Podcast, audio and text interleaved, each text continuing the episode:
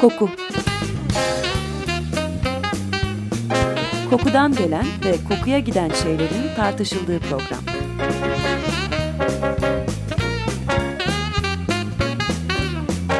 Hazırlayan ve sunan Vedat Ozan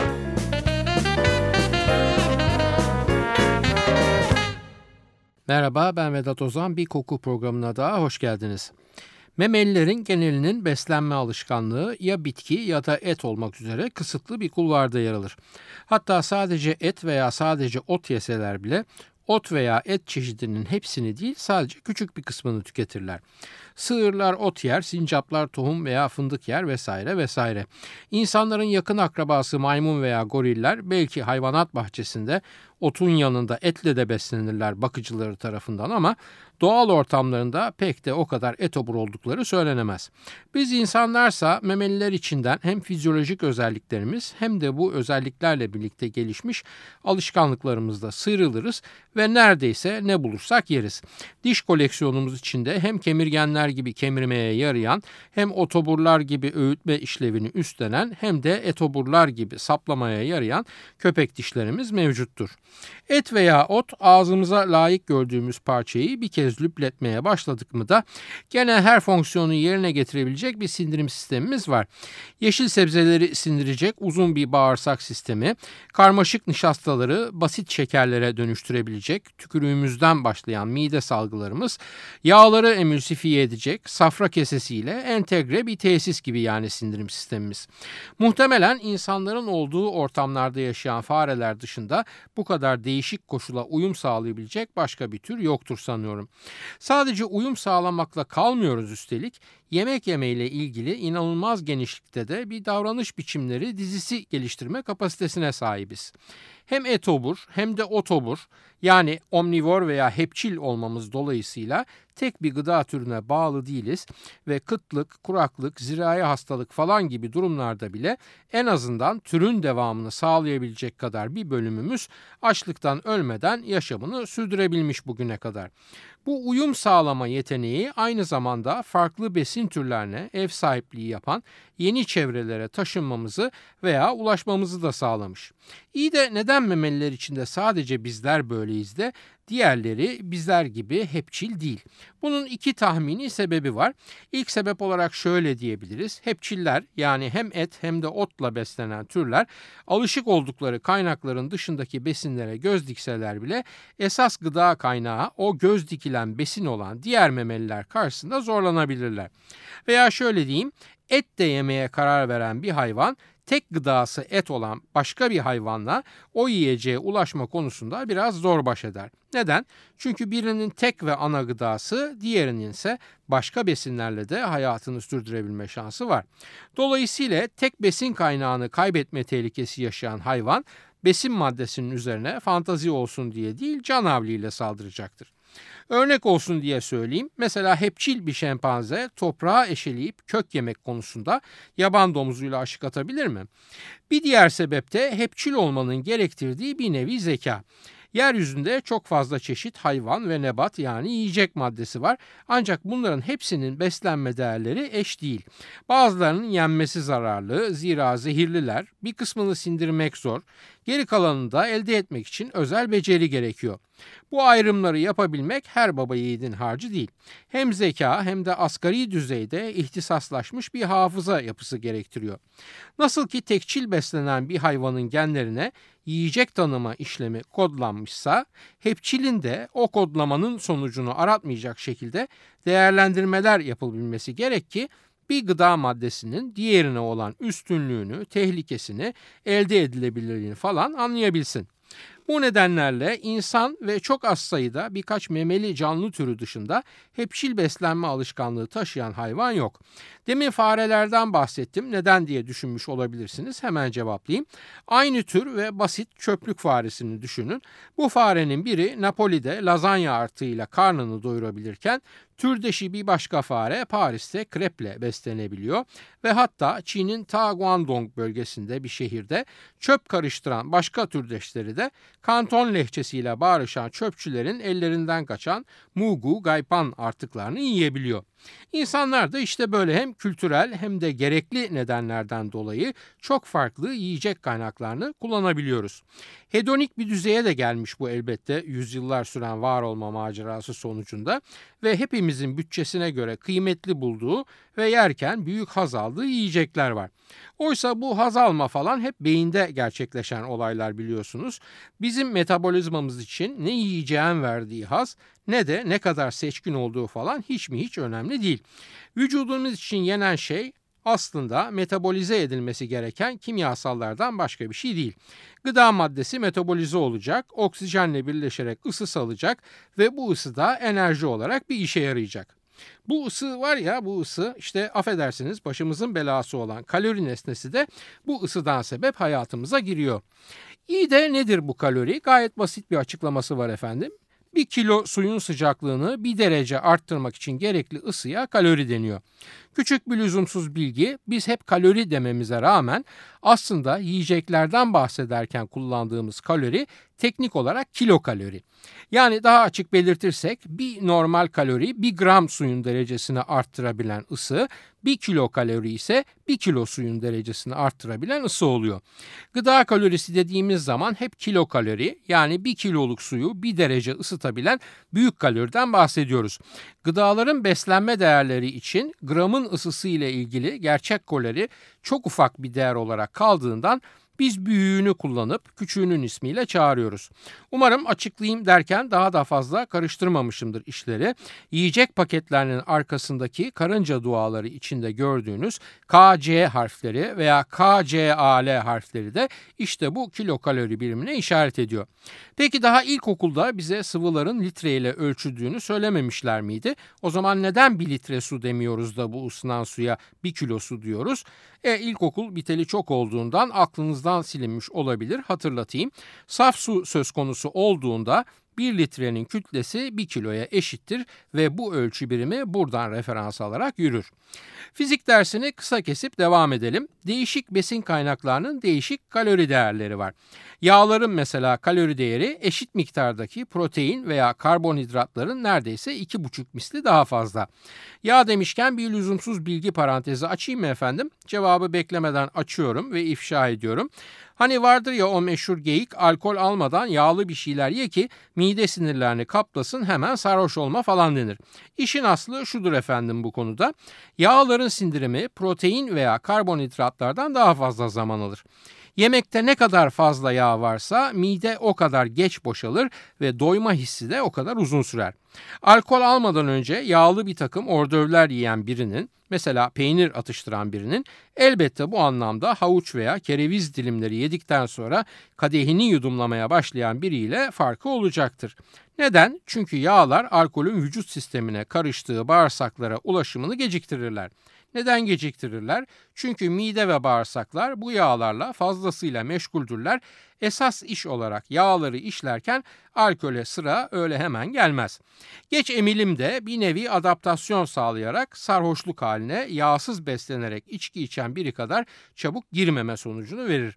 Tabi bunlar sadece minimal değişimler. Sonuçta bir büyük baş hayvanın içtiği su kadar alkol alınırsa o alkole yağ falan dayanmaz ve her halükarda sarhoş olunur. Parantezi kapayıp dönelim kalorilere. Kalori yakmak için hareket etmemize gerek yok. Hareketsiz haldeyken mesela uyurken de kalori yakabiliriz ve bu uyku halinde yakılan kalori miktarına da bazal metabolizma denir. Bu bazal metabolizma vücudun hayatiyetini sürdürmesi için gerekli minimum kalori miktarıdır kişiden kişiye farklılık gösterir ve benim uyurken yaktığım kaloriyle başka birisinin uyurken yaktığı kalori miktarı eşit değildir. Zaten su içsem yarıyor hemen kilo alıyorum lafının da aslı astarı bu. Su içtiğinde yarayan muhteremin bazal metabolizması yani uyku veya dinlenme halindeyken yaktığı kalori su içince yaramayan muhtereminkinden çok daha düşüktür ve buradan itibaren de sorunlar başlar. Adam affedersiniz domuzlar gibi yiyor incecik ben su içiyorum kilo alıyorum lafı aslında kişiler arası bazal metabolizma farkını halk diliyle muhteşem bir şekilde ifade eder. Peki ne yapılırken ne kadar kalori yakılır? Kısaca bir göz atalım şimdi. Bir kere hiçbir faaliyette bulunmasak ve bezgin bekir gibi yattığımız yerden kıpırdamasak bile organlarımızın işlevlerini sürdürebilmesi için belli sayıda kaloriye gereksinim var. Her dönemde ve her toplumda bu kalori miktarı değişir ama gelin biz buna ortalama 1500-1600 günlük kalori diyelim. Yatmaktan vazgeçip yerimizde doğrulduğumuzda ve bir iskemleye oturduğumuzda buna saatte 70 kalori daha ekleyin. İskemleden kalkıp da hafif hafif yürüyelim desek üzerine saatte 200 kalori daha koyun. Yürümekten vazgeçip düz yolda bisiklet pedallediğimizi düşünürseniz saatte bir 300 daha ekleyin. Havalar ısınıyor ben yüzeceğim diye tutturdunuz üstüne saatte bir 600 kalori daha koyun. Cinsel ilişki söz konusu olursa saatte 100, cinsel ilişki orgazmla sonlanırsa bonus olarak saatte bir 50 kalori daha yazın hesaba. E bu kaloriler neden gerekiyor? Gerekiyor çünkü vücut denen kazanın ateşini sürekli yanık bulundurmak lazım. Ha peki yakabildiğimizden fazla kalori geliyorsa ne olacak? E bunun cevabını ve vebalini de hepimiz biliyoruz. Yakılamayan kalorilerimiz yağa dönüşerek muhteşem kilo katkılar olarak bizi aynalara düşman edecek. Size ilginç bir takım veriler vereyim. En kötü beslenen ve bu nedenle de artık nüfusunun yarısından fazlası obez hale gelmiş Kuzey Amerika toplumları, daha doğrusu Amerika Birleşik Devletleri için bir araştırma yapmışlar 1980'lerde. Araştırmanın sonucu şu, bütün Amerika Birleşik Devletleri nüfusu ölçeğinde vücutta yakılmamış kalori olarak muhafaza edilen yağ miktarı 1 milyar 50 milyon kilo. Yani 1 milyon tondan fazla cılk cılk yağ 1980'lerde Amerikalıların vücutlarında yakılmamış kalori olarak bulunuyormuş. Peki bu vücutlarda yağ olarak depolanan fazla kalori rejim yaparak yakılmaya çalışılsa ne olabiliyor? Bu toplu zayıflama işlemi gerçekleşmiş olsa fosil yakıt cinsinden 160 trilyon BTU'luk bir enerji ortaya çıkabiliyor. BTU, MTU boş verin ben size bu kadar enerjiyle neler yapılabileceğini söyleyeyim. Amerika nüfusu el birlik edip zayıflamaya karar verse bu süreç içinde ortaya çıkacak enerjiye yakıt cinsinden baktığımızda 900 bin otomobilin bir yıl içinde 19'ar bin kilometre yol almasına yetecek kadar yakıta eşit bir enerji söz konusu. Hadi zayıfladılar ve ideal ölçülerinde kalmaya karar verdi Amerikalılar diyelim. Bu durumda da her yıl 97 trilyon daha az BTU tüketecekler ki bu da Boston, Chicago ve San Francisco'daki bütün hanelerin toplam yıllık elektrik ihtiyacına eşdeğer bir rakam. Evet vır vır konuşuyor bu adam da bunların kokuyla ne ilgisi var diye düşünüyor olabilirsiniz. İlgisi olmasa sizin vaktinizi boşuna harcamak istemem elbette. O nedenle az sabır rica edeceğim efendim. Kısa bir kahve molasından sonra bu anlattıklarımız bağlamında kokulu konulara da gireceğiz. Louis Attaque'dan dinliyoruz. Je pas toute ma raison.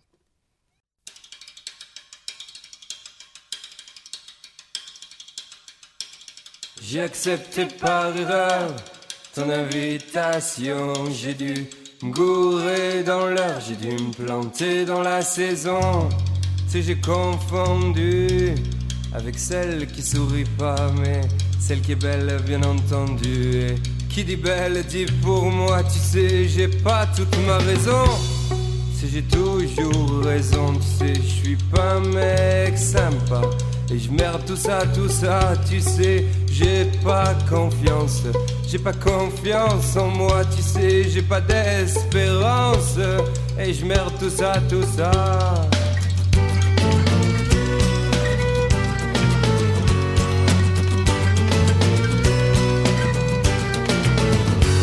Si tu veux, on parle de toi. Si tu veux, on parle de moi.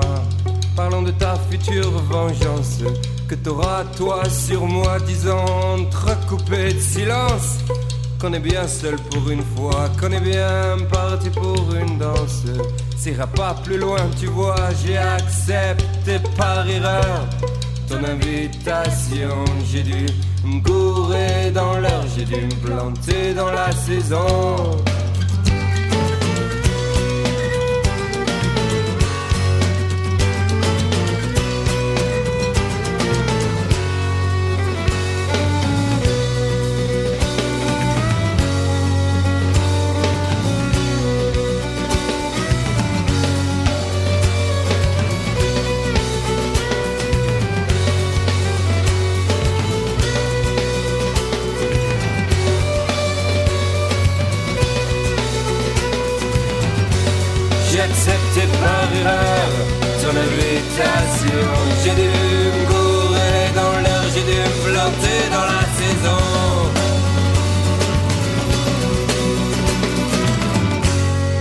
Savoir si on trace un trait, un point dans notre espace. Si j'ai pas toute ma raison, si j'ai toujours raison, tu sais, j'ai pas toute ma raison. Si j'ai toujours raison, tu sais, j'ai pas toute ma raison. Si j'ai toujours raison, tu sais, j'ai pas toute ma raison.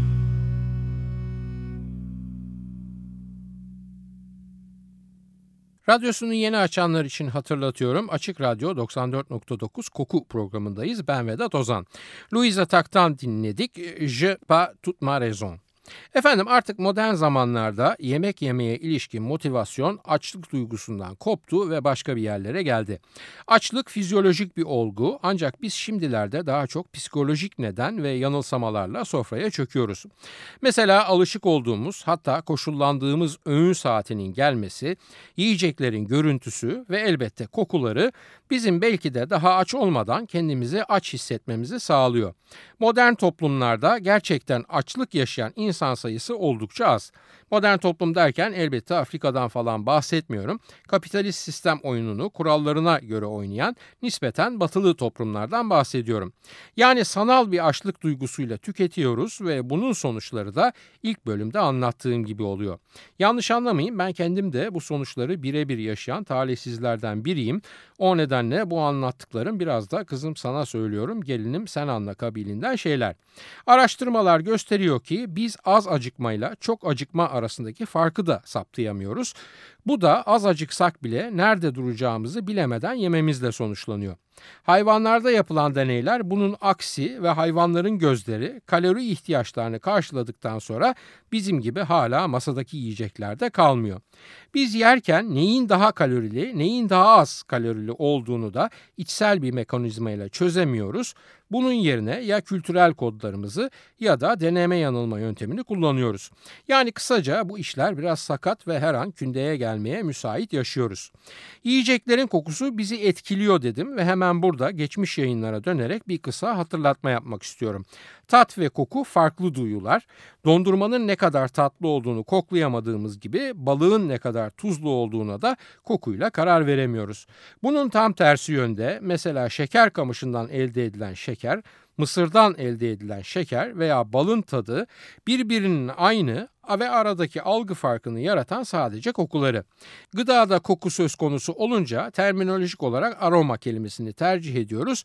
Bu nedenle bu kelimeyi daha fazla kullanacağım bugün. Hep söylediğim gibi tat ve kokuyu birbirine karıştırıyoruz ve kokunun da içinde yer aldığı bir lezzet olgusunu tat diye isimlendiriyoruz. Bu nedenle olsa gerek mesela metal kapta satılan konserve ürünler için madeni bir tadı var diyebiliyoruz. Oysa o konservenin tadının madenilikle bir ilgisi yok. Zaten madeni diye bir tat yok. Sadece okside olmuş moleküllerin kokusunu alıyoruz biz. Ama bazen de öyle bir alışıyor ki insanlar bu başta burun kıvırdıkları kokuya bu kez o kokunun olmadığı ürünlerin yüzüne bakmaz oluyorlar. Bu konuda yapılmış anketler var Amerika'da ve insanlar mesela teneke kutuda portakal suyunun lezzetine o kadar alışmış durumdalar ki taze sıkılmışından daha çok tercih edebiliyorlar. İsmi verilmeden her ikisi kendilerine laboratuvar ortamında sunulduğunda. Bu yiyecek kokularını nasıl alıyoruz onu da hatırlayalım. Ağız boşluğumuzdan buruna bakan yüzeyine yakın retronazal koku alıcılarımız var ve ağzımızda parçalanan yiyeceklerin kokusu bu koku alma kanalı sayesinde limbik sistemimize sinyaller olarak iletiliyorlar. Tat Aristo'dan beri dört değişkenle sınırlıyken umamiyi karışıklık olmasın diye parametreler arasında saymıyorum acı, tatlı, ekşi ve tuzluyla sınırlıyken lezzetin %80'ini oluşturan aroma veya gıdanın kokusu binlerce değişik parametreyle zenginlik içinde hayatını sürdürüyor. Tat ve kokuya ilişkin algı eşiklerimiz de oldukça farklı. Dilimiz tatlılığı 200'de bir seyrelme halinde hissedebilirken ekşiliği 130 binde bir, acılığı ise 200 binde bir seyrelme halinde algılayabiliyor. Bu ne demek? Bu demek ki azıcık bile acılık olsa yediğimizde onu asla kaçırmıyoruz. Ama gelin görün ki hassas görünen bu ölçümler koku söz konusu olunca 1 milyonda 1'e kadar düşüyor. Yani çok eser miktarda koku molekülü bile kendini belli etmeye yetiyor bir gıda maddesinin içinde. Gene bir lüzumsuz bilgi parantezi açmak istiyorum affınıza sığınarak. Suyun tadını genelde tatsız diye nitelendirebiliyoruz veya suyu içmeden önce yediğimize bağlı olarak tatlı, tuzlu hatta acı veya ekşi bile diyebiliyoruz. Öte yandan enginar yaklaşık 3000 yıldır bir besin maddesi olarak insanoğlunun menüsünde yer almasına rağmen ancak 80 yıl önce fark etmişiz ki enginar yedikten sonra içtiğimiz su bize tatlı geliyor. Neden? Çünkü enginarın içinde yer alan iki molekül sinarin ve klorojenik asit suyla çözülmüyor. Dilin üzerinde kalarak ve en önemlisi dil üzerindeki tatlı olmayan tat alıcılarını bloke ederek enginar yedikten sonra içilen suyun bize şekerli gibi gelmesine sebep oluyor. Ne kadar tatlı geliyor enginardan sonra içilen su onu da söyleyeyim. 100 gram suya 2 tatlı kaşığı şeker atılmış kadar tatlı gelebiliyor. E bu bilgi ne işe yarar? Sizin benim işimize yaramayabilir ama endüstrinin işine yarayabiliyor ve şimdi araştırma laboratuvarlarında harıl harıl sinarin ve klorojenik asit molekülleri enginardan izole edilerek ekonomik değeri olan yapay tatlandırıcı nasıl elde edilir onunla uğraşıyor bilim insanları. Tabii bu dediğim sadece su için geçerli değil ve enginar bu tatlı yanısamasını vermesi nedeniyle şarap sunucularının Fransızcasıyla sommeliyerin veya şarap garsonlarının da baş ağrılarından biri. Çünkü enginarla beraber içilen şarap olmaması gerektiği kadar tatlı bir algı yaratabiliyor insanlarda. Şimdi bunu denersiniz diye uyarayım. Taze buharda pişmiş enginarın daha fazla dip yaprakları için geçerli bu dediğim ve taze halde değil de enginar kalbi denilerek konserve halde satılan küçük enginarların böyle bir yanılsama yaratma şansları pek fazla yok. Kapatalım bu lüzumsuz bilgi parantezini ve dönelim konumuza. Bütün duyularımız içinde en ilkel ve öncül duyu koku duyumuz. Hayvanların hele koku duyusu olmadan hayatlarını sürdürebilmeleri imkansız. Gözü görmeyen bir fare hayatta kalabiliyor ama burnu koku almayan bir fare ne yiyeceğe ulaşabiliyor ne de çiftleşebilmek ve soyunu sürdürebilmek için bir başka fareye. Ağzımıza yiyeceği attığımızda parçalanan veya bir nevi buharlaşmakta olan aroma molekülleri burunla ağız arasındaki boşluktan alıcı hücrelere ulaşıyorlar.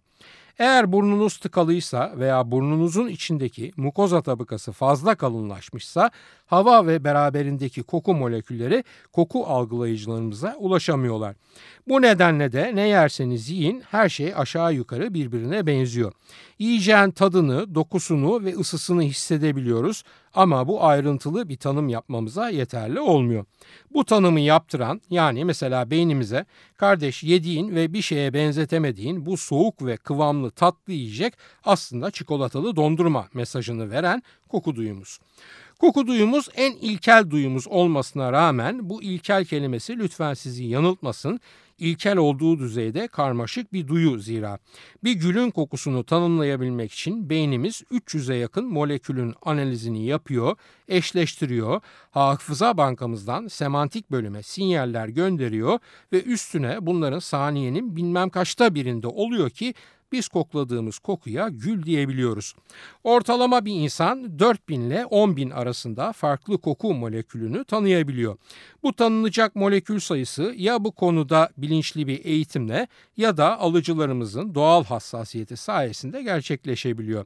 Yani demem o ki nasıl ki ilk bölümde anlattığımız o bazal metabolizma olayı kişiden kişiye farklılık gösteriyorsa koku alma yetimiz ve eşiklerimiz de öyle farklılıklar gösterebiliyor.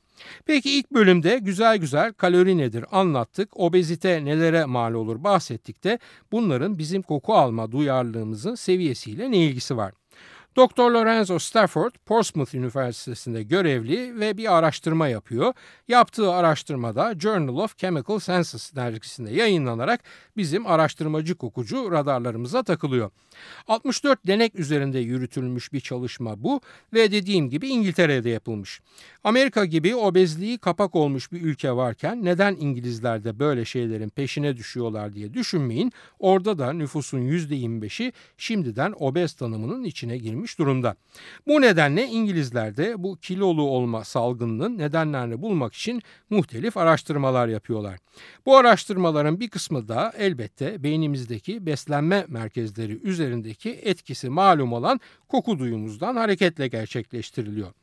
İyi de bu araştırmanın nesi ilginç ki bizi bu kadar uzun girişlere mecbur etti? Efendim araştırmanın net sonucunu bekletmeden kısa yoldan söyleyeyim. Fazla ayrıntıyla sizi meşgul etmeyeyim. Vücut kütle endeksi denen body mass indeksleri yüksek olan deneklerin yani Türkçesiyle aşırı kilolu deneklerin zayıf olanlara göre çok daha gelişkin bir koku alma yetisine sahip oldukları çıkmış deneydi ortaya.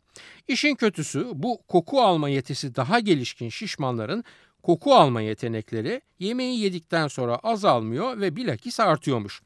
Dr. Stafford da araştırma sonuçlarını incelerken buna takılmış. Yani hem şişmanların daha iyi koku alıyor olmalarına hem de bu koku algısının yemek yendikten sonra artıyor olmasına ve sonucu şu şekilde yorumlamış. Keskin bir koku alma yeteneği insanların yemek yeme konusunda daha fazla motive eder doymuş olmalarına rağmen hala yemek yemeye devam etmeleri konusunda kışkırtarak da bir yanılsama içine düşürür ve kilo almalarına sebep olur. Bunun üzerine bir araştırmada Amerika'dan geliyor. Süre az uzatmadan kısaca onu da anlatayım.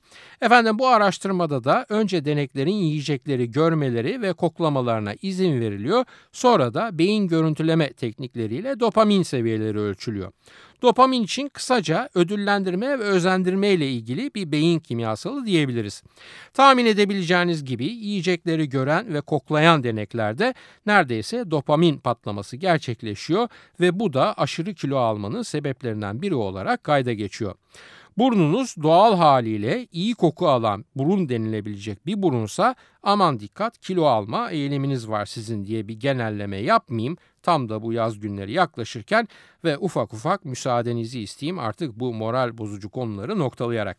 Haftaya bir başka kokuda buluşmak üzere hoşçakalın diyorum efendim. Soru, öneri, eleştirileriniz için e-posta adresimizi hatırlatıyorum. kokuprogrami.yahoo.com Yayınlarımızda adı geçen konulara ilişkin görselleri az sonra facebook.com Taksim Vedat Ozan Koku adresinde de görebilir. Soru ve yorumlarınızı oraya da yazabilirsiniz. Ben Vedat Ozan, radyonuz kokusuz kalmasın sevgilerimle.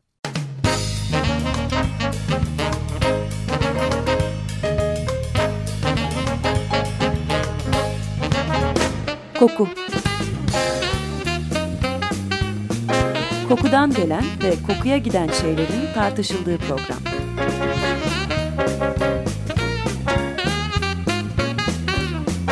Hazırlayan ve sunan Vedat Ozan